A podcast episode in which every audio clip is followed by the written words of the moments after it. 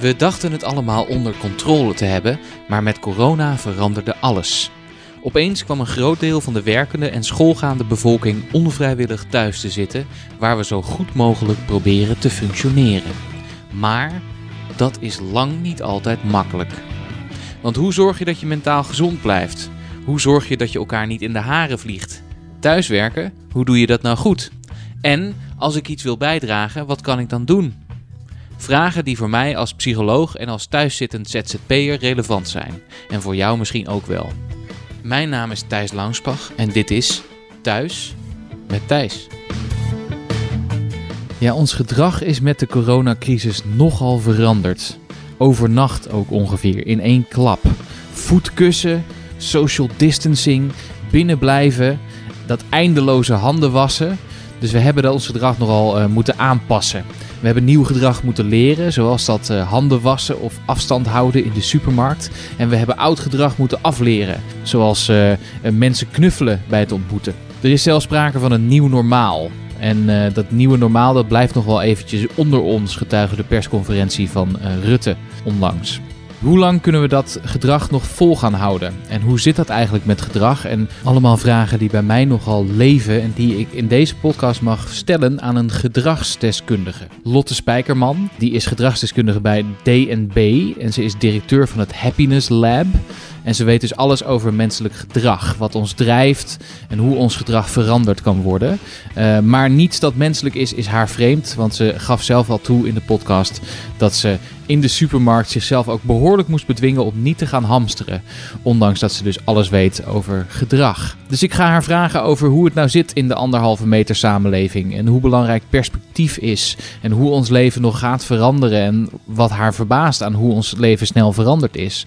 Allemaal vragen over leven en over overleven in de anderhalve meter samenleving. Kleine opmerking nog wel erbij is dat wij deze opname net voor de nieuwe kabinetsplannen over het versoepelen van de maatregelen hebben opgenomen. Dus dat was nog geen informatie die wij op dat moment hadden. Daarover waren wij nog in het ongewisse. Vandaag 4 mei. We hebben net de dodenherdenking gezien op een lege dam. En we hadden afgelopen week Koningsdag. Ging niet door, werd Woningsdag. Ja, en er waren ook nog, ik zag nog ook nieuwsbericht dat de treinen, alle stations worden ingericht nu op uh, de anderhalve meter samenleving. Hoe kijk ja. jij daar als gedragsdeskundige tegenaan? Wat zijn, wat zijn jouw gedachten erbij? Ja, vol bewondering. En dat hele gedragsveranderingsstuk in corona is natuurlijk een heel grote vraag. Hè? Dat betekent vooral dat we iets moeten gaan doen wat we nog niet eerder hebben gedaan. En iets wat we altijd deden moeten loslaten. Dus dat is, dat is onwijs uh, lastig. En vooral het anderhalve meter afstand houden. Het is iets heel tegennatuurlijks.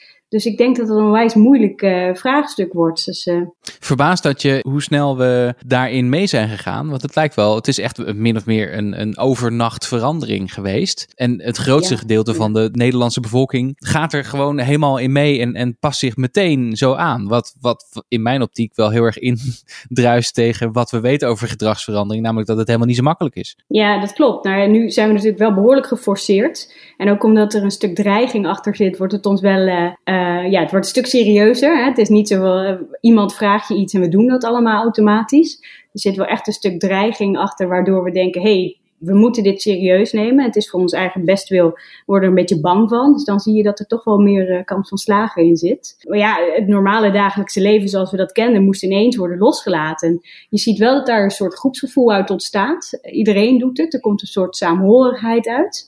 Uh, en aan de andere kant trouwens ook een heel stuk ikke-ikke, met het hamstergedrag en uh, zoveel mogelijk wc-papier in één keer. Dus uh, die twee kampen zie je eigenlijk steeds terug. Aan de ene kant het hele solidaire, en we moeten het samen doen en elkaar helpen. En, en er ontstaan onwijs veel initiatieven die juist die kant op neigen. Aan de andere kant echt mensen die met oogklepjes op de wereld inlopen en alleen maar uh, aan zichzelf denken. Dus uh, dat, dat is wel typisch menselijk. Nou, ik kan me ook voorstellen dat dat voor jou als, als gedragsdeskundige, als gedragswetenschapper, moet dit een fascinerende tijd zijn. Wat is nou een van de dingen die jou het meeste heeft verbaasd of die je het meeste opmerkte? Ik zie een aantal dingen, maar ik doe zelf ook een aantal dingen. Dus dat zijn twee uh, opvallende aspecten. Doe ik ook wat ik vind? Nou, soms ook helemaal niet. Zit er een verschil tussen die twee dingen? Nou, ik merkte wel dat ik de neiging had om te gaan hamsteren, ja, om eerlijk te zijn. Ik heb het niet gedaan, maar ik moest me wel echt inhouden. Dat ik, dat ik inderdaad dus mensen in de rij zag staan met pakken met toiletpapier. En toch wel even na moest denken over hoeveel, hoeveel rollen hebben wij eigenlijk nog thuis. Ja, en wat, wat doe je dan? Hè? Je kent de hele psychologie erachter. Dus ik ben uh, toch wel een beetje met zwetende okseltjes weer naar huis gelopen. En ik heb gezegd dat ik het gered heb thuis om het niet te doen. Uh, ja, fascinerend. Dat soort dingen vind ik eigenlijk de meest interessante. Wat ik heel interessant vind om te zien is dat de omgangsvormen en omgangsnormen die wij van nature hebben. Hè, we zijn dicht bij elkaar, we zijn groepsdieren, we vinden het fijn om uh, fysiek nabij elkaar te zijn. Dat als je dat ineens moet loslaten, wat er dan gebeurt. En wat jij ook zei, het is best wel grappig om te zien. Nu gaat dat vrij goed. We worden daar toch wel toe gedwongen. Maar nu het allemaal ietsje meer in zicht komt van uh, we gaan het ook weer loslaten, merk je ook dat dat steeds moeilijker wordt. Dat is natuurlijk het fascinerende van gedrag. Hè? Ons geduld is een beetje opgeraakt. Ja, hier wreekt het zich dus dat de premier niet even netjes gewacht heeft tot na het uitzenden van deze aflevering met zijn persconferentie. Want inmiddels weten we dus al wat meer over hoe dit gelopen is. Nog steeds is het zo dat er heel veel dingen niet duidelijk zijn. Dat we nog niet precies weten hoe het gaat lopen. We hebben wel een aantal richtlijnen gekregen. Maar gelukkig is er inmiddels iets meer duidelijk over hoe ons leven eruit gaat zien en wat de stappen zijn die gezet gaan worden. Dus we weten inmiddels weer wanneer we naar de kapper mogen. Maar bijvoorbeeld nog niet over hoe ons werk eruit gaat zien het komende half jaar. En of we nog naar het buitenland kunnen. Of je nog een keer naar een festival kunt. Al dat soort dingen weten we dan weer niet. Maar ietsje meer is nu al wel duidelijk. Ja, want onze premier zegt hou vol. Maar ondertussen lopen de ziekenhuisopnames terug. Er zijn minder slachtoffers. Eh, er gaan minder, liggen minder mensen op de IC. En dit is, het verbaasde mij. Was aan het hardlopen afgelopen, uh, afgelopen weekend op een plek waar ik dat normaal altijd doe. Hè. Het is een, een duingebied. Het viel me op dat het eigenlijk steeds, steeds voller wordt weer. Dat er echt een aanmerkelijk verschil is tussen, tussen nu en laten we zeggen een week geleden of twee weken geleden. In hoeveel mensen naar buiten willen. Hoe, hoe lang gaan we dit nog volhouden, Lotte? Oeh, ik, ik, um, ik ben er best een beetje somber over. Waarom houden mensen zich daar überhaupt ook niet aan? Je ziet in het begin al een aantal mensen die zich er überhaupt helemaal niet aan gehouden hebben. Mensen die echt een beetje uh, scheid hebben gehad aan, uh, aan deze maatregelen. En een aantal mensen die netjes begonnen zijn, maar die nu een beetje hun geduld beginnen te verliezen. Dat, dat is zo logisch. Vanuit gedrag denk ik dat je allereerst moet realiseren dat een aantal mensen um, zich ook niet expres niet aan die regels houden, maar dat ze gewoon doen wat ze altijd doen.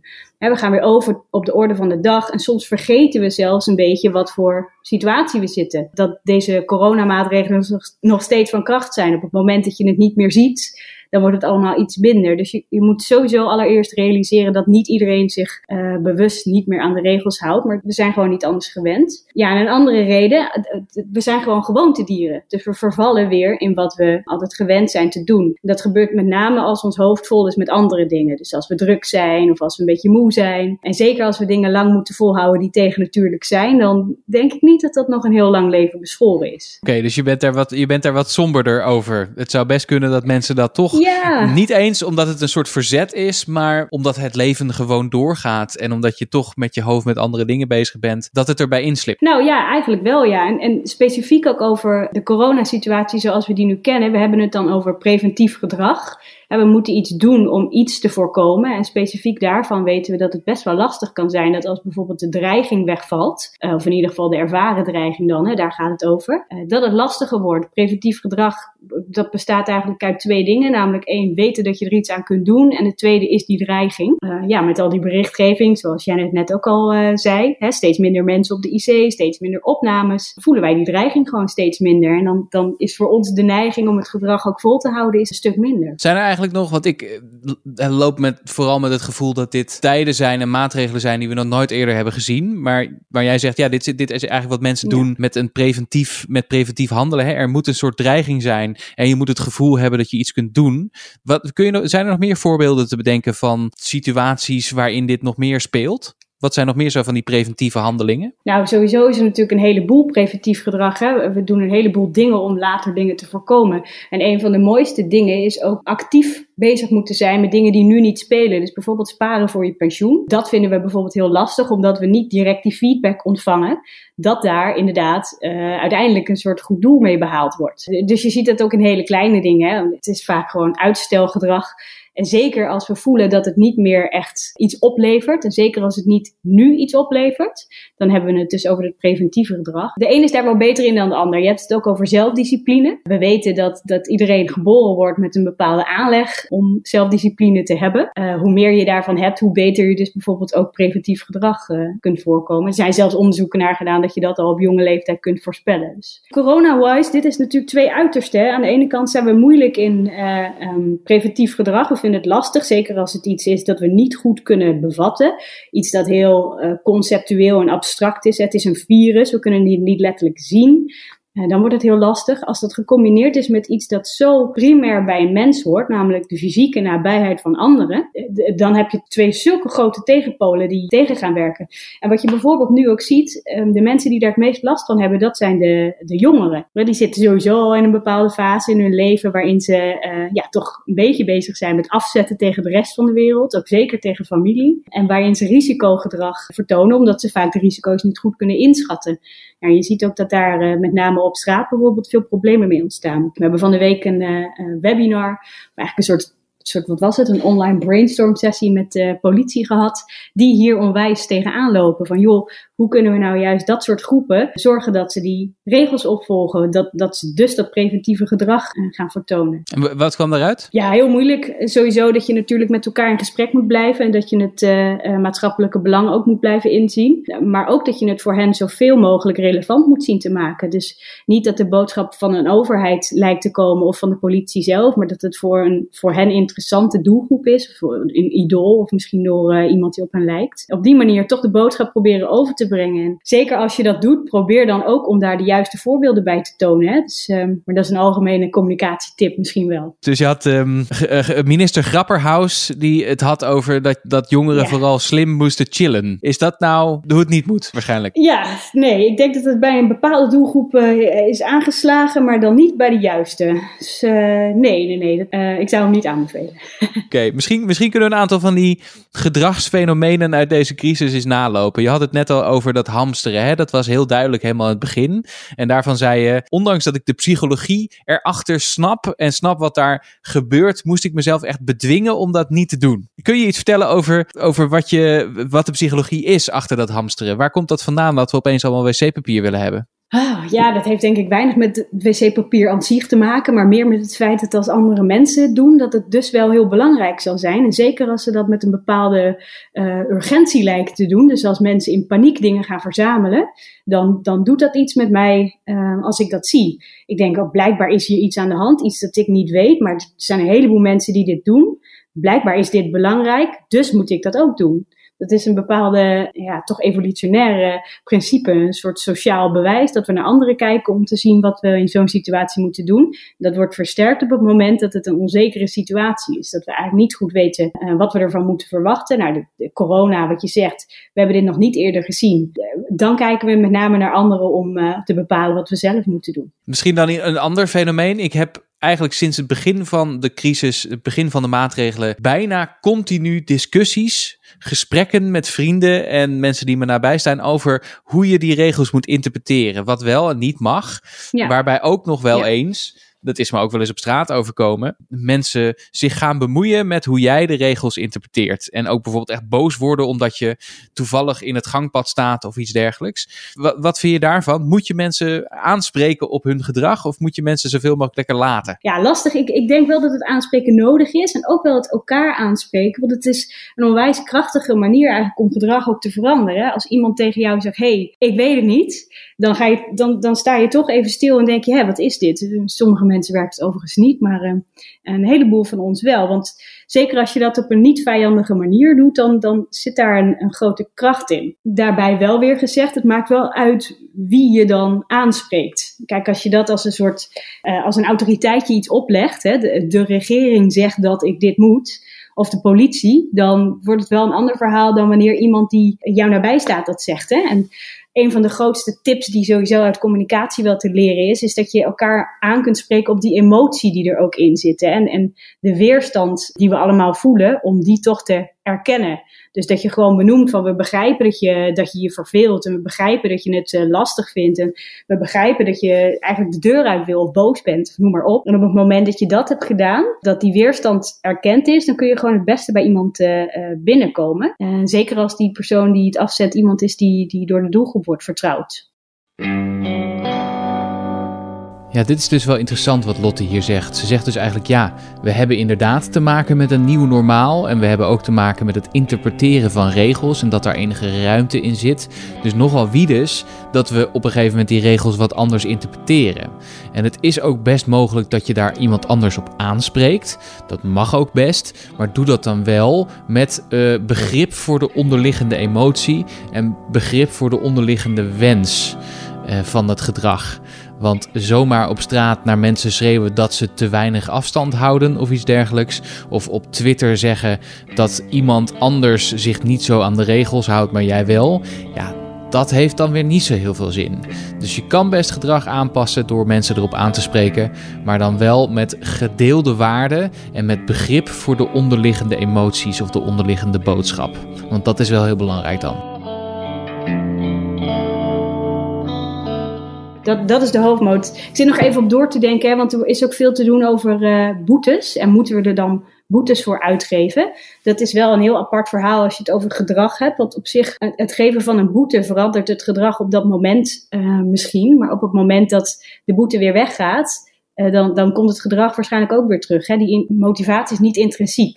Het is echt iets dat van buiten komt. Maar toch, ook ben ik natuurlijk een gedragspsycholoog, maar ik zie wel het nut van die boetes in voor de rest van de maatschappij. Al was het maar om daar een soort signaal mee af te geven van, joh, iedereen die zich wel aan de regels houdt, kijk, wij doen hier iets aan. Uh, dus voor het grote geheel denk ik dat het wel degelijk iets, uh, iets oplevert voor het gedrag van iedereen die zich tot nu toe netjes aan de regels heeft gehouden. Kun jij, het is natuurlijk heel moeilijk in de toekomst kijken en het is een onmogelijke vraag over hoe gaat het leven er over een paar maanden uitzien, laat staan een jaar uitzien. Maar heb jij daar gedachten vanuit de blik van een gedragswetenschapper gedachten over? Wat staat ons nog te wachten? Hoe gaat ons leven de komende tijd veranderen en gaan we dat wel volhouden? Ik zie daar duidelijk ook twee stromingen in. Eigenlijk de ene stroming die zegt uh, straks als uh, alles uh, weer wat meer open gaat, en zeker als we dan weer in onze oude vertrouwde situatie komen, dan gaat alles weer terug naar wat het altijd was. Versus de andere kant van dit spectrum die zegt nee, wij zijn voor goed life changed en uh, corona was een uh, geschenk uit de hemel, want dit is wat al onze problemen oplost. Ja, ik zou geen wetenschapper zijn als ik niet zou zeggen dat, dat de waarheid voor mij tenminste grijs is. Uh, dus ik denk wel degelijk dat er straks weer een heleboel terug gaat keren als we weer gewoon de deur uit mogen en weer gaan doen wat we altijd deden. Vooral omdat er in die omgeving onbewust een heleboel cues en triggers zitten die, die het gedrag dat we altijd vertoonden gewoon weer gaan oproepen. Dus, dus dat is één de andere kant denk ik wel degelijk dat er dingen gaan veranderen. Want wat je nu duidelijk gezien hebt, is dat mensen gedwongen ander gedrag zijn gaan vertonen. Waar iemand bijvoorbeeld voorheen naar een sportschool ging en binnen op de loopband staan, heeft iemand nu bijvoorbeeld besloten om te gaan hardlopen. Voorheen deed iemand dat bijvoorbeeld niet. En dan zie je dat dat toch ook iets doet met ons gedrag daarna. Want normaal is het zo, je hebt een bepaalde attitude, je vindt het uh, belangrijk om in shape te zijn. En jouw middel daarvoor is hardlopen. Nou ja, dat, je, je voelt al, dat is misschien wel vrij stroef. Want je wil eigenlijk gewoon in shape zijn, liever zonder hardlopen. Maar goed, om dat te bereiken ga je hardlopen. En nu zie je dat het eigenlijk andersom kan plaatsvinden. Mensen zijn gaan hardlopen, hebben ervaren dat dat misschien best wel prettig was. En die zijn onbewust gaan aanpassen dat dat is wie ze zijn en wat ze fijn vinden. Dus ze passen eigenlijk hun attitude aan op gedrag in plaats van hun gedrag en zoeken daar een doel bij om dat uh, te bereiken. Dus ik geloof wel degelijk dat er een, een aantal gedragingen is, zoals de sporten. En misschien ook wel dat dat zou kunnen gelden voor mobiliteit. En uh, hoe we reizen naar ons werk, of we nog reizen naar ons werk, hoe vaak we reizen naar ons werk. Die na deze crisis er wel anders uitzien. Die, die wel echt op deze manier een bepaalde intrinsieke motivatie hebben gekregen in plaats van uh, toch wel wat meer opgelegd. Dus, dus jij zegt waarschijnlijk gaan juist die dingen veranderen waarvan we er nu achter zijn gekomen dat ze eigenlijk wel prettig zijn. Het feit dat we veel thuis zijn, het feit ja. dat we naar buiten mogen voor een wandeling en dat dat ook eigenlijk best wel plezierig is en niet alleen maar als een middel om een bepaald doel te bereiken, maar ook als een doel op zich. Ja, precies. En ik denk dat dat dus komt omdat mensen, eigenlijk hebben ze een soort sampling gehad, hè, wat je normaal gesproken met uh, de nieuwe uh, yoghurt van een bepaald merk in de winkel gedaan krijgt. Hè. Zo van proef dit eens. Uh, zo hebben we nu geleerd dat een aantal dingen die we voorheen anders nooit gedaan zouden hebben, omdat er geen aanleiding toe was, die we nu een soort van geproefd en geprobeerd hebben. En dat blijkt eigenlijk toch wel goed bij ons te passen. Dus dat blijven we dan inzetten op de lange termijn. Daar geloof ik zeker in. En welke dingen heb jij geproefd en blijven bij jou hangen? ik was al bang voor deze vraag, Thijs. Dus fijn, fijn. Nee, ik, ik moet zeggen dat mijn gedrag er helemaal niet beter op is geworden. Voorheen ging ik netjes naar mijn sportschool. Ik ben niet gaan hardlopen, bijvoorbeeld. Ik merk toch dat uh, thuis zitten, zeker met kinderen. Ik, ik zie daar ook weer een aantal kampen in, namelijk, namelijk de, de kinderkampen en de mensen zonder kinderen, die er toch wel behoorlijk anders in staan. Mensen zonder kinderen die ik vaak hoor zeggen: Ik heb nu eindelijk tijd om de dingen die ik altijd wilde doen, maar nooit deed. Omdat hè, er, er, was zoveel leuks te doen. Dat festival kwam eraan. Uh, dit gaan doen met die en dat met die. Dat die nu ineens tijd hebben om boeken te lezen. En die komen veel meer tot rust. En ik heb zelf toch een heel onrustig gevoel. Dus ik merk toch wel dat voor mij ik hoop wel weer terug te gaan naar die oude patronen die voor mij misschien iets gezonder en iets, uh, iets beter zijn. Oké, dat is een mooi diplomatiek antwoord. Ik zal hem bij deze accepteren. Alright, nou, uh, ik hoor ook dat we, dat we vooral een beetje lief voor onszelf moeten zijn in deze crisis. Dus uh, ik geloof dat er niet zo heel veel mis aan is. Dat, dat rare um, begroeten dat we inmiddels doen. Mekaar geen handen meer geven, maar een beetje op afstand mekaar maar op een onhandige manier staan te huggen. Of iets met een uitgestoken voet doen. Wat, wat moeten we daarvan verwachten de komende tijd? Ik denk dat je daar een aantal fasen in hebt. Hè. In, het begin uh, wordt gezegd, we gaan elkaar geen hand meer geven. En dan wordt aan het eind van de persconferentie dat uh, per ongeluk nog gedaan. Hè. Nou, dat is exact wat gedrag is. We doen natuurlijk wat we altijd deden. En dan kom je eigenlijk in die fase waarin het een beetje een lachertje wordt. Hè, we vinden het allemaal onwennig en we lachen het een beetje weg. Het, is, het ziet er allemaal heel ongemakkelijk uit. En ik denk dat er nu straks een fase komt waarin het normaler wordt. dat, dat we elkaar gewoon begroeten van afstand door te zwaaien.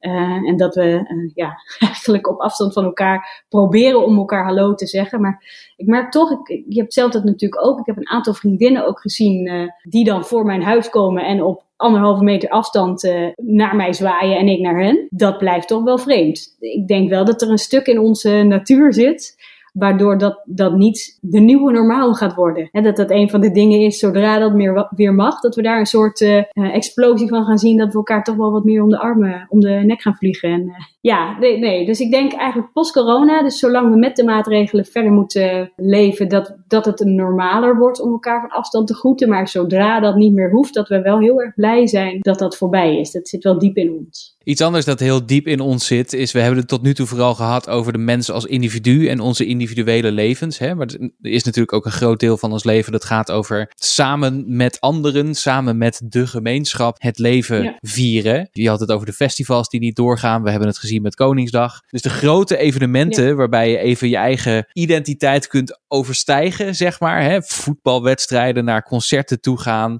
uh, vieringen, feesten, al dat soort dingen. Die moeten in de toekomst ook allemaal heel anders. Worden we individualistischer op die manier? Nee, dat denk ik niet. Ik denk dat we nieuwe manieren gaan vinden om hetzelfde te bereiken. Je ziet bijvoorbeeld dat een manier om dat te bereiken is op spirituele wijze. Hè? Bijvoorbeeld eh, het geloof of, of een bepaalde culturele uiting. Dat alleen al geeft ook een groepsgevoel. Dus het gaat met name om dat groepsgevoel. Niet per se om het fysiek nabij zijn, al is het natuurlijk een makkelijke vorm om een groepsgevoel te creëren. Uh, er zijn wel degelijk andere manieren om dat te doen. En uh, ik denk dat dat een beetje zoeken is naar hoe je dat dan gaat vervangen. Dat iedereen daar op zijn eigen manier een soort experiment mee aan moet gaan. En van wat is dat dan voor mij? Ik zat nog te denken, er is misschien ook nog een link met. Jij hebt je ook bezig gehouden met gebiedsontwikkeling en de, de invloed van de leefomgeving op gedrag. Is, is vanuit dat opzicht nog iets te zeggen over, over corona? Over hoe onze nieuwe omgevingen eruit gaan zien en wat dat gaat doen met ons gedrag? Nou, wat, wat je nu sowieso ziet, we krijgen bijvoorbeeld al uh, vragen van gemeenten die uh, heel erg in de knoop zitten met hoe moeten wij letterlijk onze uh, fysieke ruimte gaan inrichten, winkelstraten, pleinen, is er straks wel ruimte om in een anderhalve meter samenleving te gaan shoppen of een terrasje te pakken. En je ziet nu al dat er bijvoorbeeld wordt nagedacht over het bijvoorbeeld mijden van auto's en dat de rijbaan dan bijvoorbeeld een vergrote stoep wordt. Ja, kijk, als je de openbare ruimte zo gaat inrichten dat er ander gedrag gaat plaatsvinden, dan heeft het natuurlijk direct effect. ik denk dat dat iets heel moois is en voor heel veel disciplines ook een, een grote kans. Zeker bijvoorbeeld als je voor een autoluwe binnenstad zou willen kiezen. Als je daarmee bezig bent als uh, gemeente, dan is dit wel je kans om daar uh, de eerste flinke stappen in te zetten. Dus ja, zeker weten. Dat, dat heeft uh, direct effecten op gedrag. Wat je nu steeds vaker hoort, is dat mensen, om het op de lange termijn vol te kunnen houden, dat die perspectief heel belangrijk is. Dat het idee dat het ook eindig is, of dat je enigszins een idee hebt wanneer het gaat eindigen, of wanneer het leven weer tussen aanhalingstekens normaal gaat worden, dat dat heel belangrijk is in het volhouden van dit soort regels en het volhouden van dit soort maatregelen. Maak jij je daar zorgen over dat het perspectief eigenlijk tot nog toe, het is nu, we nemen dit op 4 mei, tot nog toe ontbreekt? Ja, zeker wel, want onze discipline wordt, wat we eerder al zeiden, enorm op, op de proef gesteld. Ook zeker nu het lang duurt, dat hele volhouden. We hebben wel absoluut een doel nodig. En nu is dat doel logisch, want er is weinig te zeggen over wanneer dat dan uh, kan zijn. Dat mist enorm. En je merkt dat mensen daardoor ook wel wat luchtiger worden over de regeltjes. Hè? Zo van, zou het geen kwaad kunnen om eventjes dit of eventjes dat? En daarmee is eigenlijk het begin van het einde uh, begonnen zeker gevoed ook door alle goede berichten. En als je, wat jij al zegt, op straat ook steeds meer mensen ziet komen. Zeker als je niet meer weet waar je het voor doet. En ook tot wanneer je het doet. Dan gaan mensen er toch eerder met de pet naar gooien. Dat is, ja, dat is absoluut iets waar ik me zorgen over maak. Wat zou er kunnen gebeuren om deze mensen weer wat meer perspectief... Natuurlijk weten we niet wanneer dit helemaal gaat eindigen. En wat, er, wat de volgende ontwikkelingen zullen gaan zijn. Maar zou er iets kunnen gebeuren waardoor dat perspectief toch iets duidelijker wordt voor mensen? Ja, ik denk dat we sowieso elk moment van persconferentie tot persconferentie uh, beleven. En dat we op die manier toch steeds proberen of we wat meer een soort van licht aan het eind van de tunnel kunnen zien. Ik denk dat het wel degelijk zou kunnen helpen op het moment dat we weten wat het ook voor de gewone mens betekent. Hè? Dus we zijn nu uh, mondjesmaat dingen aan het openstellen. Bijvoorbeeld kinderopvang gaat vanaf 11 mei weer uh, open. Daarmee krijgen een deel van de samenleving een deel van het normale leven weer terug. Ik denk dat elke groep, dus elk uh, mens heeft behoefte aan een bepaalde, een bepaalde zichtlijn. En nou is het maar een kleine. Dus misschien zouden we kunnen zeggen, op het moment dat we cijfer X of cijfer Y hebben bereikt qua opnames in het ziekenhuis, of als we dat drie dagen of vier dagen of vijf dagen achtereen hebben, dan gaan we X of Y. Dus, dus dat iets meer concreet al een stuk beter zou zijn dan, uh, ja, eigenlijk nu is de communicatie zo zwak. Hè? Er ontbreekt alle, alle concreetheid in die zin. Dus dat zou zeker helpen. Hoe concreter, hoe beter. Toch nog één laatste vraag hoor. Misschien een beetje een algemene vraag. Je hebt geen glazen bol, dat realiseer ik me, maar je bent wel iemand die veel weet van gedrag. Wat vrees je dat er in de komende tijd gaat gebeuren? En wat zou je hopen dat er in de komende tijd gaat gebeuren, over gedrag gesproken? Ik vrees eigenlijk het verlengde van, van wat we eerder al bespraken. Dat mensen, omdat ze ook niet zien waar ze het voor doen, steeds meer de regeltjes gaan negeren. Hè? Ja, en, het gevolg is dat we gewoon met z'n allen straks weer in de supermarkt te staan en op het strand liggen en noem maar op. En dat betekent natuurlijk voor, voor een heleboel mensen gezondheidsrisico's. Dus het is natuurlijk een horror scenario. Maar ik denk ook dat het niet ondenkbaar is. Met name omdat we dus niet weten waar we naartoe werken. En ook omdat we toch wel die kuddedieren zijn en dat we echt, echt wel die behoefte hebben in letterlijke zin aan, aan nabijheid. Uh, dus hoe langer het duurt, hoe meer ik inschat dat het realistisch is dat mensen toch uh, naar buiten gaan. Ja, en, en wat ik hoop, en wat ik ook best realistisch zie, het kan, kan vriezen, het kan dooien, is dat de dingen die we nu eigen gemaakt hebben, dus nieuwe gewoontes, zeker op het gebied van sociaal contact en elkaar helpen en een bepaalde saamhorigheid hebben, dat we die behouden. En allereerst zie ik al een heleboel kleinere opbrengsten waarvan we nu al kunnen vieren dat ze gelukt zijn. Namelijk dat een heleboel uh, zaken veel meer digitaal zijn en dat we daar nieuwe normen voor hebben. Uh, die bijvoorbeeld binnen werk een heleboel mensen verlichten en toch wat meer rust brengen. En ook een heleboel andere mensen, daar ga je natuurlijk ook nog over spreken. Of daar heb je zelfs over gesproken. Dat je die mensen uit een bepaald isolement kunt halen. Omdat er veel meer digitaal contact mogelijk is. Bijvoorbeeld met ouderen. Toch even skypen met je, met je kleinkinderen. Toch even videobellen met je kleinkinderen. Dat, dat vind ik wel de kleinere, maar misschien wel onderschatte opbrengsten van deze tijd. En ik hoop dat dat ook dus na dat het allemaal voorbij is, uh, overeind blijft. Lijkt me een hele mooie en positieve noot om mee uh, te eindigen. Ik hoop dat we elkaar uh, binnenkort weer eens in leven lijven, leven lijven kunnen zien. en tot die tijd blijven we natuurlijk soort van zwa onhandig zwaaien via dit soort computerschermpjes. Dankjewel Lotte voor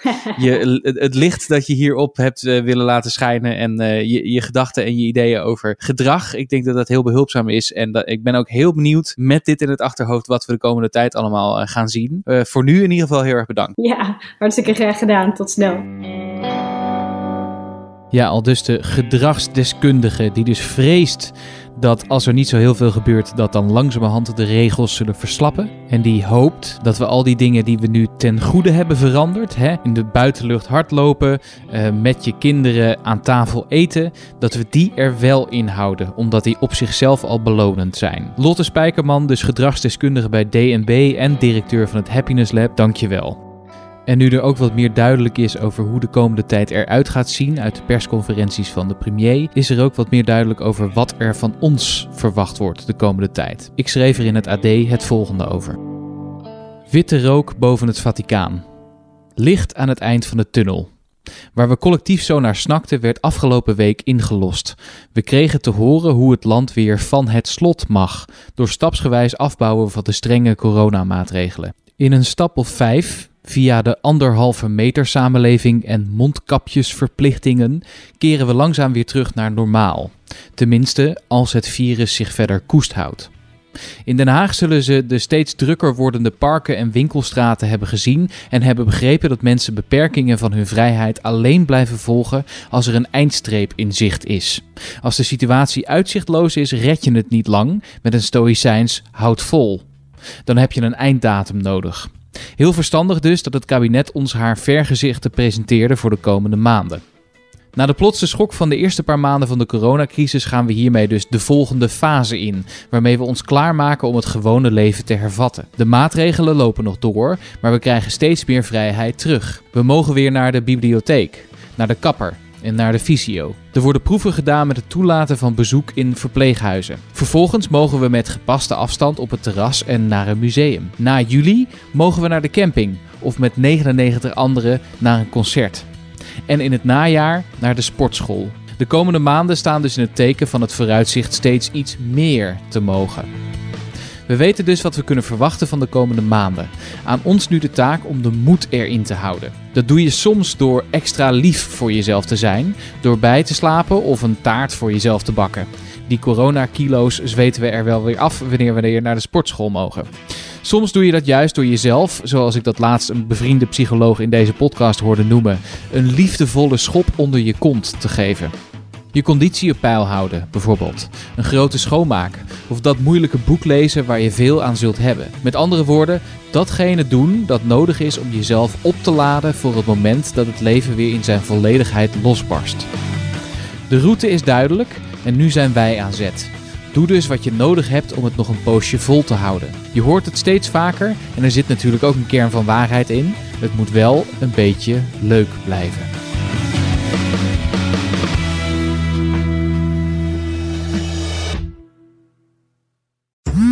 Worden dagelijks overladen met overbodige informatie. En het is moeilijk de zin van de onzin te scheiden. Daarom vertrouw ik op echte journalisten in plaats van meningen. Een krantenmens heeft het gemakkelijk. Word ook een krantenmens en lees je favoriete krant nu tot al zes weken gratis. Ga snel naar krant.nl. Bezorging stopt automatisch en op deze actie zijn actievoorwaarden van toepassing.